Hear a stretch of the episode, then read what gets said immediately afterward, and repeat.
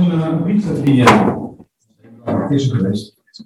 En hij had dag wel vis, maar had niks gevangen. En aan het eind was hij een beetje nieuwsgierig en teleurgesteld en hij gaat naar huis.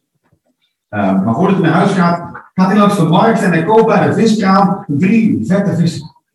En dan zegt tegen de visverkoper, voordat je ze inpakt, wil je ze even naar mij gooien. Dan, kan ik tenminste tegen ons milieu zeggen dat ik ze vervangen heb zonder te liegen.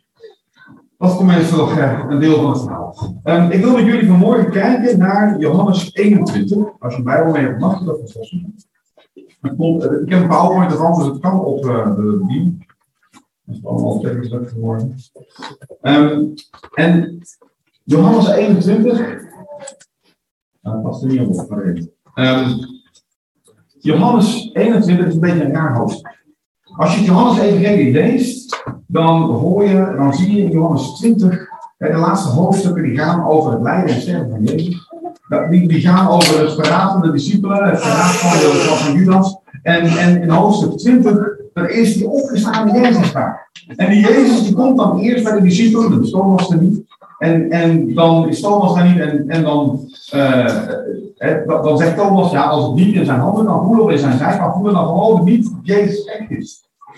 En als dan hoofdstuk 20 aan het eind van het hoofdstuk Jezus nog een keer komt en nog een keer zichzelf toont en Thomas is daar wel, dan zegt hij, ja nee, nee, dat hoeft niet meer. En, en dan, dan komt ook het climax van, van het hele evangelie, de uitroep van Thomas, u bent mijn Heer en mijn God. Met andere woorden, hij erkent Jezus als zijn God zelf. Dat is het, het climax waar het hele evangelie van Johannes naartoe werkt. Dat moment, die uitspraak. U bent Heer, u bent God. En Jezus die, die doet het dan prachtig, hè? Die, die rolt dan af. En dat is meteen voor de, voor de lezers die, die later, of de hoorders die later horen of lezen, waar Jezus dan zegt, en jij gelooft omdat je mij gezien hebt, maar je bent gelukkig als je in mij gelooft terwijl je me niet gezien hebt. En eigenlijk is, dat, is er alles gezegd daarmee wat er gezegd kan worden. Het hele evangelie van Johannes is, is klaar, is af. En, en Johannes komt met een, met een statement, Jezus is God en als je in hem geloven kunt zonder dat je hem gezien hebt, ben je gelukkig, ben je zalig. Zal nou verder staan. En toch is er nog een hoofdstuk 21. Een hoofdstuk wat gaat over falen en herstel. En ik zal een stuk lezen, dit is vers 1 tot met 9.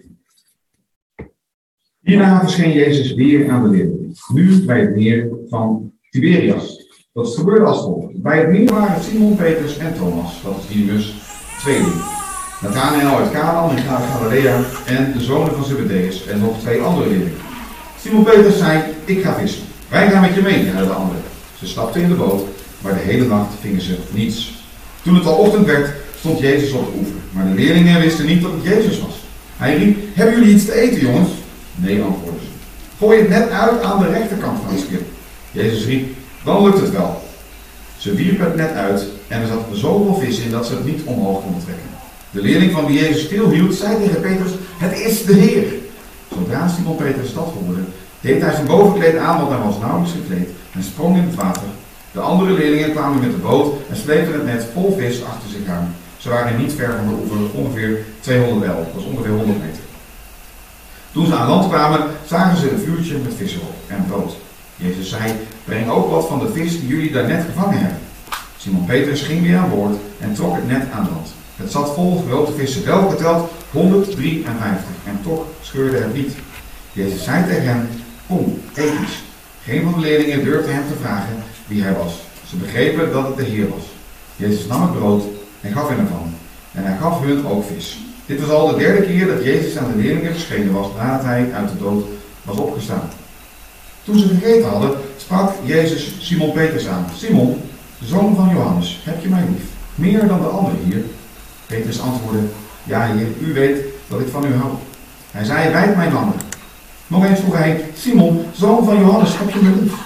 Hij zei, ja heer, u weet dat ik van u houd. Jezus zei, hoed mijn schapen. En voor de derde maal vroeg hij hem, Simon, zoon van Johannes, houd je van me?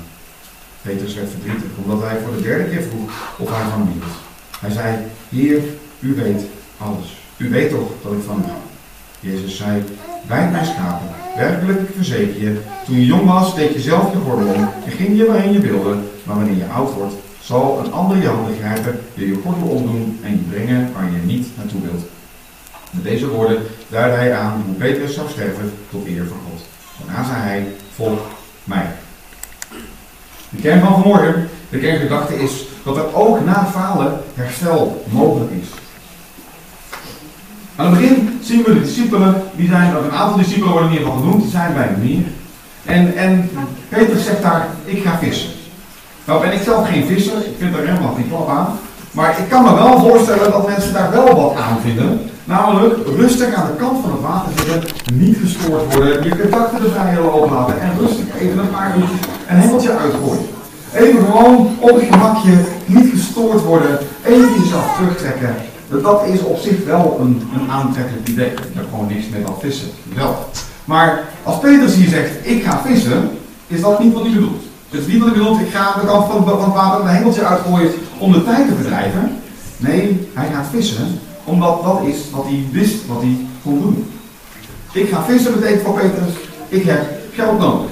Er moet eten binnenkomen. Ik moet zorgen dat er plank is. Misschien moet je de monitor even uitdraaien hier, want ik voel mezelf heel erg echo. Um, en dat is eigenlijk gewoon noodzakelijk. Petrus is noodzakelijk gaan vissen om te zorgen dat er onderhoud is. Daar zit een, een extra gedachte in. Want de rabbi waar ze drie jaar achteraan gegaan waren, Jezus die ze drie jaar gevolgd hadden, door de, de rabbi te volgen, werd ook in hun levensonderhoud voorzien. Er was onderhoud voor hun en, en er werden giften gedaan en soms hadden ze misschien ook weinig te eten, ik weet het niet. Maar in ieder geval, rabbi volgen betekende dat je ook daar voorzien werd in je eten en je drinken en je slaapplaats. Maar nu Jezus, ja, hij was dan gestorven en oké, hij was dan weer opgestaan, maar hij was niet meer daar. Hij was niet meer onder hun. En nu Jezus er niet meer was, moest hij toch een nieuwe manier bedenken om in zijn levensonderhoud te voorzien. Dus hij zegt, ik ga vissen. Bijna alsof hij zegt, die opdracht die Jezus mij gegeven heeft, laat maar even. Die opdracht, die, ik weet even niet wat ik ermee moet. Ik ga maar terug naar datgene wat ik weet, wat ik moet doen. Datgene wat ik kan doen. De opdracht die Jezus had gegeven, als je de andere evangelie ernaast leest, zegt Jezus, ga naar Galilea en daar zal ik jullie ontmoeten. En dat hebben ze ook gedaan. Ze zijn daar gegaan, ze zijn daar niet gegaan. Waar, ze, waar het allemaal ooit begonnen was. Ze zijn daar gegaan en, en daar wachten ze op Jezus. Maar Jezus is in geen velden of wegen te bekennen. En dus gaan ze maar vissen. En, en het volgende stukje, als je dat leest, dan zou eigenlijk de frustratie van de discipelen van je pagina af moeten druipen. Ze zijn de hele nacht aan het vissen en ze vangen niks. Ze zijn de hele nacht bezig, hard aan het werk en ze vangen niks. En, en gewoon geen resultaat. En, en ik denk eerlijk gezegd dat dat iets is wat we allemaal wel een beetje herkennen. Zo'n dag dat je gewerkt hebt en aan het eind van de dag dat je terugdenkt, waar heb ik nou allemaal gedaan? Ik ben niks opgeschoten. Ik heb, gewoon niks opgeleverd. Ik heb gewoon een leeg net. Of, dat je uh, heel hard voor een klant, zeker toen ik in een commerciële business zat, dat je heel hard aan een klant had gewerkt, een grote klant, om binnen te krijgen en uiteindelijk kiest hij voor de concurrent. Al die energie voor niks. Dat je keihard hebt gewerkt om die promotie te krijgen en je collega gaat ermee vandoor. Voor niks. Je keihard hebt gewerkt voor je relatie of om je kinderen het evangelie te brengen. Eh, noem maar op, vul maar in, we kennen het wel. En als je zelf zo'n situatie niet herkent, mag je gelukkig zijn dat je leven nog kalm is gelopen. En, en ik vrees eerlijk gezegd dat ik slecht nieuws heb, want vroeg of laat kom je zo'n lege net situatie tegen in je leven. Het net bleef leeg. En het net blijft leeg met een reden. De reden van het net dat het leeg blijft, is dat Jezus kracht zichtbaar wordt. Jezus kracht wordt zichtbaar, namelijk doordat hij zegt, gooi het aan de andere kant, het net wordt gevuld. Daarom wordt het net, wordt, wordt Jezus kracht zichtbaar. Maar dat is leuk, de discipelen, toen ze aan het vissen waren die nacht, zagen ze dat niet hoor. Dat is niet dat zij in de nacht dachten van, weet je, straks komt Jezus en is het net gevuld. En dat is precies onze situatie heel vaak. Als wij dan bezig zijn, hard aan het werk zijn en het lukt niet, dan kunnen we wel denken, ja, God heeft hier een bedoeling mee. Dat zeggen we ook wel eens. Hè? Dat, zie op Jezus, heel gewoon. En dan vervolgens gaan we verder, maar we schieten er gewoon niks mee op. We komen niet verder. En, en hoewel het waar is, Jezus doet een wonder en zijn kracht wordt zichtbaar, neemt dat die frustratie van de discipelen niet weg. En, en dat is iets wat we herkennen. Soms, lijkt het, soms, soms is het gewoon dat je faalt. En dan lijkt God ver weg.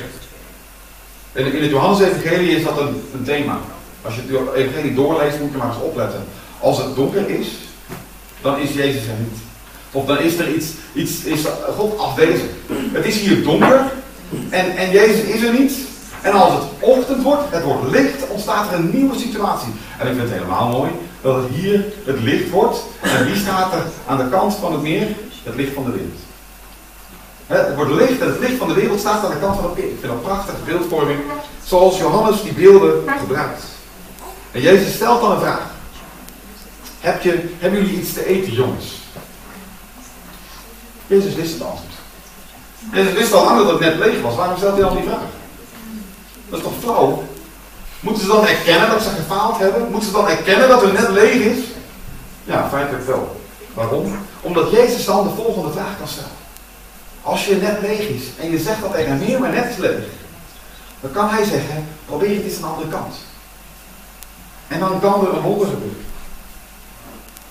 Heel vaak stelt God een vraag aan ons, waar hij al lang het antwoord op weet. God stelt heel vaak vragen in ons leven. Door de hele Bijbel heen stelt hij vragen aan mensen. Het begint al bij Adam en Eva. Adam, waar ben je? Wist God niet waar Adam was? Natuurlijk wist hij waar Adam was. Maar hij wilde dat Adam vertelde waar hij was. En, en het mooie daarvan is ook dat er een relatie van uitgaat. Weet je, als, als God, als wij zou, niet zouden zeggen weet je, ik dit niet, ik noem niet wat ik nodig heb, want God weet het toch al en dan moet hij maar in voorzien wat ik nodig heb, want hij weet het toch al. Ja, dan gaat God dus anoniem voorzien in wat je nodig hebt. Maar God is geen anonieme God. God wil werken vanuit die relatie. God wil voorzien omdat hij een relatie met ons heeft. En dat hij vanuit die relatie, dat wij kunnen zeggen, Heer, u weet dat ik hier nood aan heb. U weet dat deze situatie mislukt is. En, en wilt u erin voorzien? Dat is wat God verlangt. Dat is wat bidden voor een stuk is. Ik wil niet zomaar hier aan voorbij gaan. Ik heb een aantal dingen genoemd en dat kan zijn dat er dingen naar boven komen waar je denkt, ah, dacht dat ik dat een plek gegeven had, dan moet je dat nou op zondagmorgen naar boven halen? Moet je daar nu die pijn van mijn vader naar boven halen? Nee, ik wil dat niet. Ik wil daar ruimte aan geven. Ik wil gewoon een ogenblikje even stil zijn. Ik heb dat nog nooit gedaan, dus het is ook voor mij spannend. Een ogenblik stil zijn tijdens de preek om gewoon onze ruimte te geven. Om ons verhaal naar God eruit te spreken. Zoals Hij ons uitnodigt. Heb je wat gevangen? Dat je dan ook kunt zeggen, Heer, dit net is leeg. Ik heb hier niks, maar net is leeg. En dat het gewoon ruimte hebben. Zullen we een ogenblik stil zijn?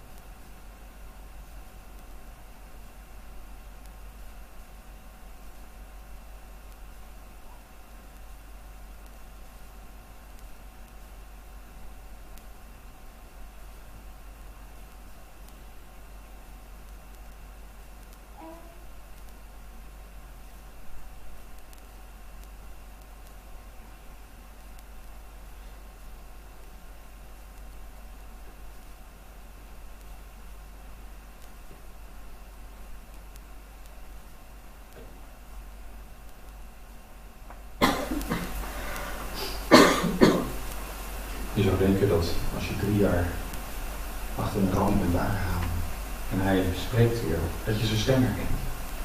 Dat je denkt, hé, hey, het is Jezus. Maar er is met Jezus iets vreemds aan de hand Zijn stem wordt niet herkend, zijn uiterlijk wordt niet herkend. Maar het is het wonder wat Jezus doet.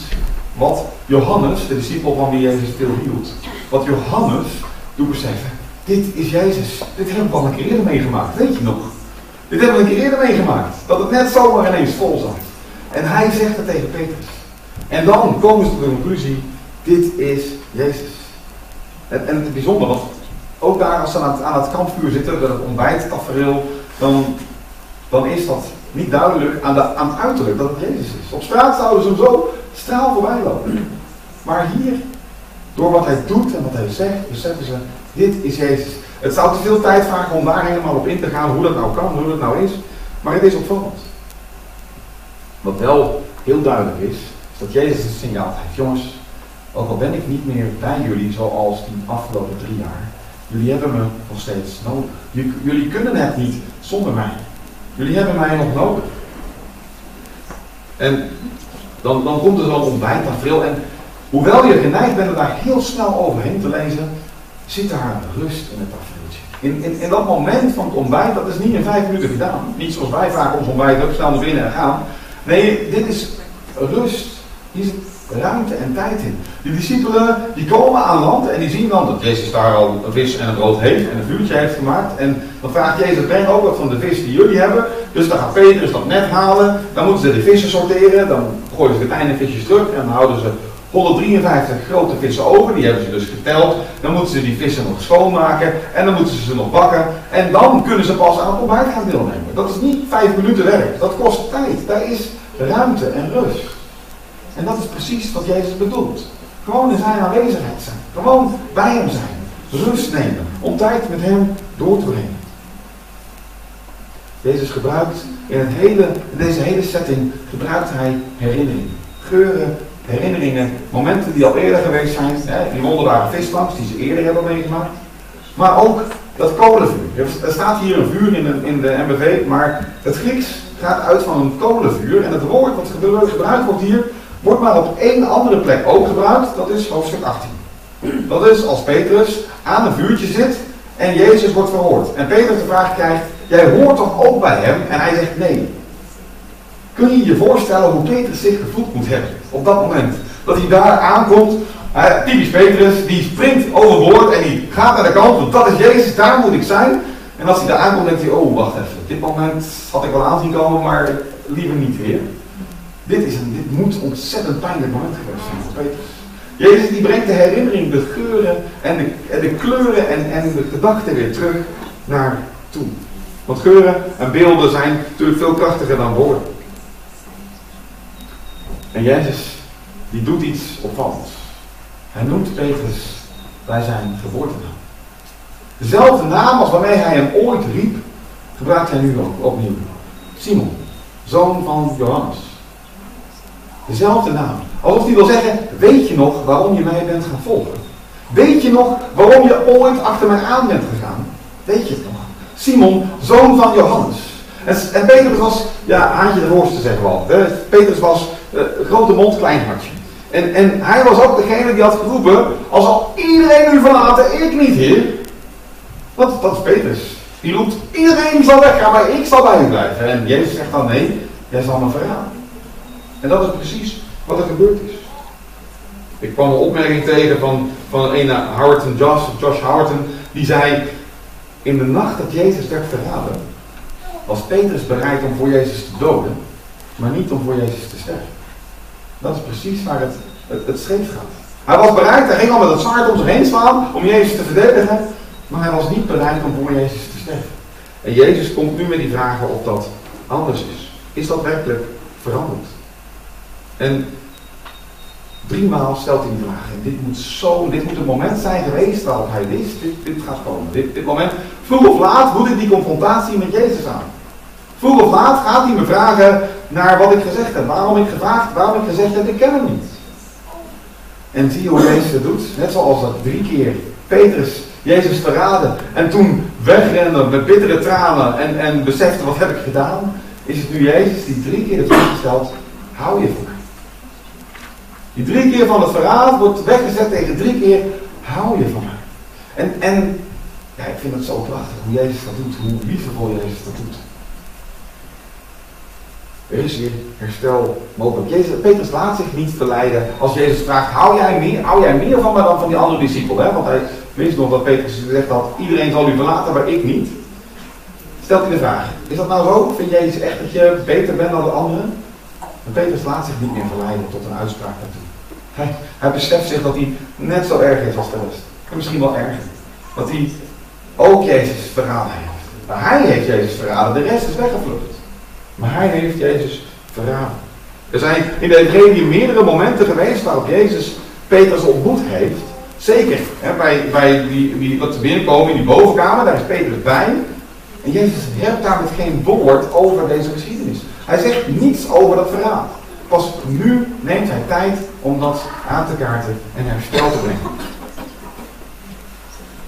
En Jezus die, die maakt dan een woordspelletje, daar kan je een hele studie van maken. Ga ik niet doen vanmorgen, maar maakt een woordspelletje van het, het schapen en lammeren en het hoeden en weiden. En als je heel ver wil gaan, kan je zelf nog gaan, er zitten zelf nog verschillende vormen van houden van in het Grieks in. Uh, dat ga ik allemaal niet uitpuzzelen vanmorgen, maar wat er wel in staat, is uh, de opdracht die Petrus krijgt. En ik denk ook daarmee de opdracht voor ons, of in ieder geval voor mensen die leiding geven. Het, het wijdt mijn schapen en wijdt mijn lammeren. Dat wil zeggen dat je ze brengt naar een plaats waar voedsel is. En op die plaats waar voedsel is, daar kunnen de schapen en lammeren voeding krijgen. Dat is de eerste opdracht die hij krijgt. Je moet zorgen, Petrus, dat de schapen dat die voeding krijgen. En het tweede is, je moet ze hoeden. Dat wil zeggen dat je ze bij elkaar houdt. Dat je ze niet laat weglopen. Dat je ze zorgt dat de schaapjes en de lammetjes bij de kudde blijven. Dat is de opdracht die Petrus persoonlijk krijgt. Maar ik geloof ook dat dat symbool staat voor leiderschap binnen de gemeente. Voeden en wijden. Voeden en bij elkaar houden. En het mooie van het hele spul vind ik dat Jezus, Jezus noemt hier, het zijn niet, Petrus, nu zijn jouw schapen. Hier, alsjeblieft, zorg er maar voor. Nee, het blijft steeds, het zijn mijn schapen. Het zijn mijn lammeren. Het zijn niet de schapen van, van Petrus, niet van Johannes, niet van Marieke, niet van Kees, niet van wie dan ook. Het zijn Jezus schapen. Dat is de opdracht die hij geeft. En is het opgevallen wat Petrus doet? Wat Petrus doet, is waar wij zo vaak moeite mee hebben. Petrus komt niet bij Jezus met diep berouw. Berouw heeft hij gehad, er is plaats voor berouw. Dus ik zeg niet dat er geen plaats is voor berouw.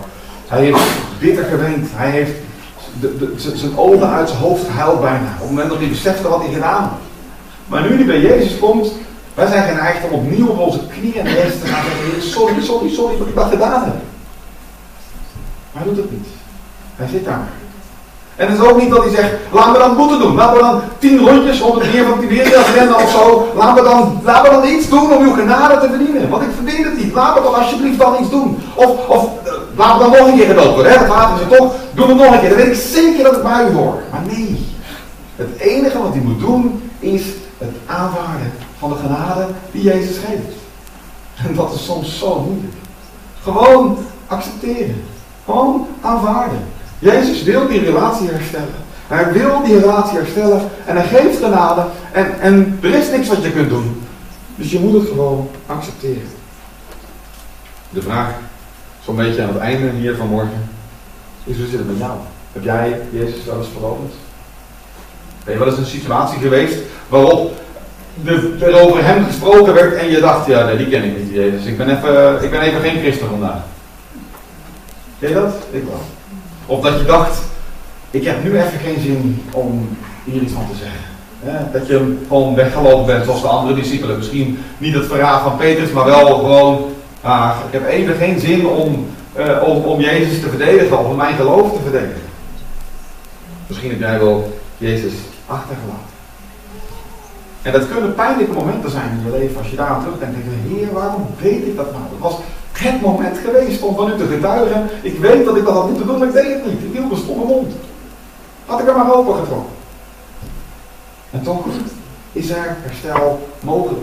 Dat is de boodschap van vandaag. Dat is de boodschap in dit hoofdstuk. Er is herstel mogelijk. En als je bij Jezus komt, dan is de vraag: neem dan even tijd voor zo'n Jezus-ontbijt. Neem dan even tijd om gewoon met Jezus aan zo'n. Ja, je mag mij een echt kampvuurtje maken, maar, maar om aan zo'n kampvuur te zitten en even de tijd te nemen om tijd met hem door te brengen. Niet in vijf minuten hoofdstuk Bijbeltje lezen en uh, een klein beetje zeggen en nu door. Neem een keer tijd voor echt de, de, de, gemeenschap, echt tijd met Jezus door te brengen. Weet je, het mooie is, Jezus staat niet klaar met verwijt. Zegt, joh, ik weet wat jij hebt gezegd. Ik weet wel dat je toen dat hebt. Dat klopt niet, hè? Of, of ik weet wel dat je toen weggelopen bent, waar je, mij waar je voor je geloof had moeten uitkomen. Jezus staat niet met, met schuld en verwijt klaar. Hij staat met open armen klaar. Hij staat klaar met, met, met voedsel, met gemeenschap. met liefde en met de vraag, hoe zit het met jou? Hou je van mij? Heb je me lief? Heb je me echt lief? En hij, hij weet hoe je erover denkt. Hij wist ook wat Petrus in zijn Petrus gedachte was. Maar hij wilde van Petrus horen, ja heer, u weet het, maar ik heb u lief. Hij wil het van je horen. Hij wil dat je het hem zegt. En dan kun je gewoon zijn genade ontvangen. En misschien wel het moeilijkste, als Jezus jou vergeven heeft, mag je ook jezelf vergeven. En dat is soms zo moeilijk. Dan hebben, beseffen we dat, dat oké, Heer, u hebt mij daarvoor vergeven, maar ik neem mezelf nog wel. Want ik had dat nooit zo konden doen. Maar ook jij mag jezelf vergeven, omdat er vergeving is in Jezus. Ik vind het een fantastisch hoofdstuk, vol met genade. Laten we bidden.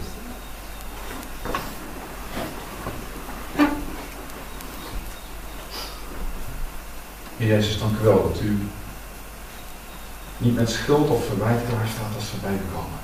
Heer, dat u niet naar, niet naar ons wijst en zegt van joh, je hebt dat toen gedaan, je hebt dat toen gezegd, je hebt zus gedaan en zo gedaan. Weet je, ga eerst maar eens. Nee, Heer, u staat klaar met gewoon een ontbijt. Met tijd, een maaltijd, met voedsel, met tijd met u.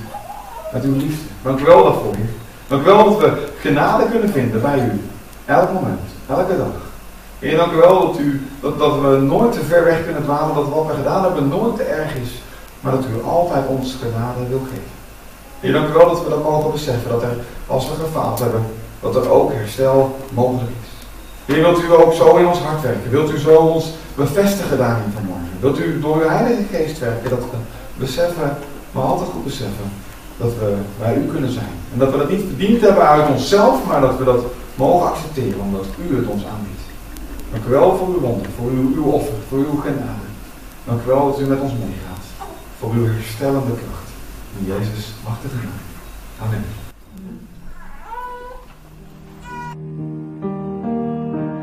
Let me wipe your tears away. Let me turn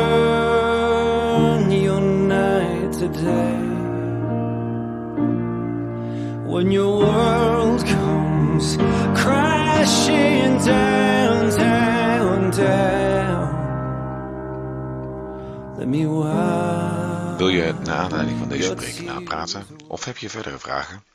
Neem dan gerust contact op. Dat kan via veg.deburg.gmail.com of kijk op onze Facebookpagina VEG De Burg.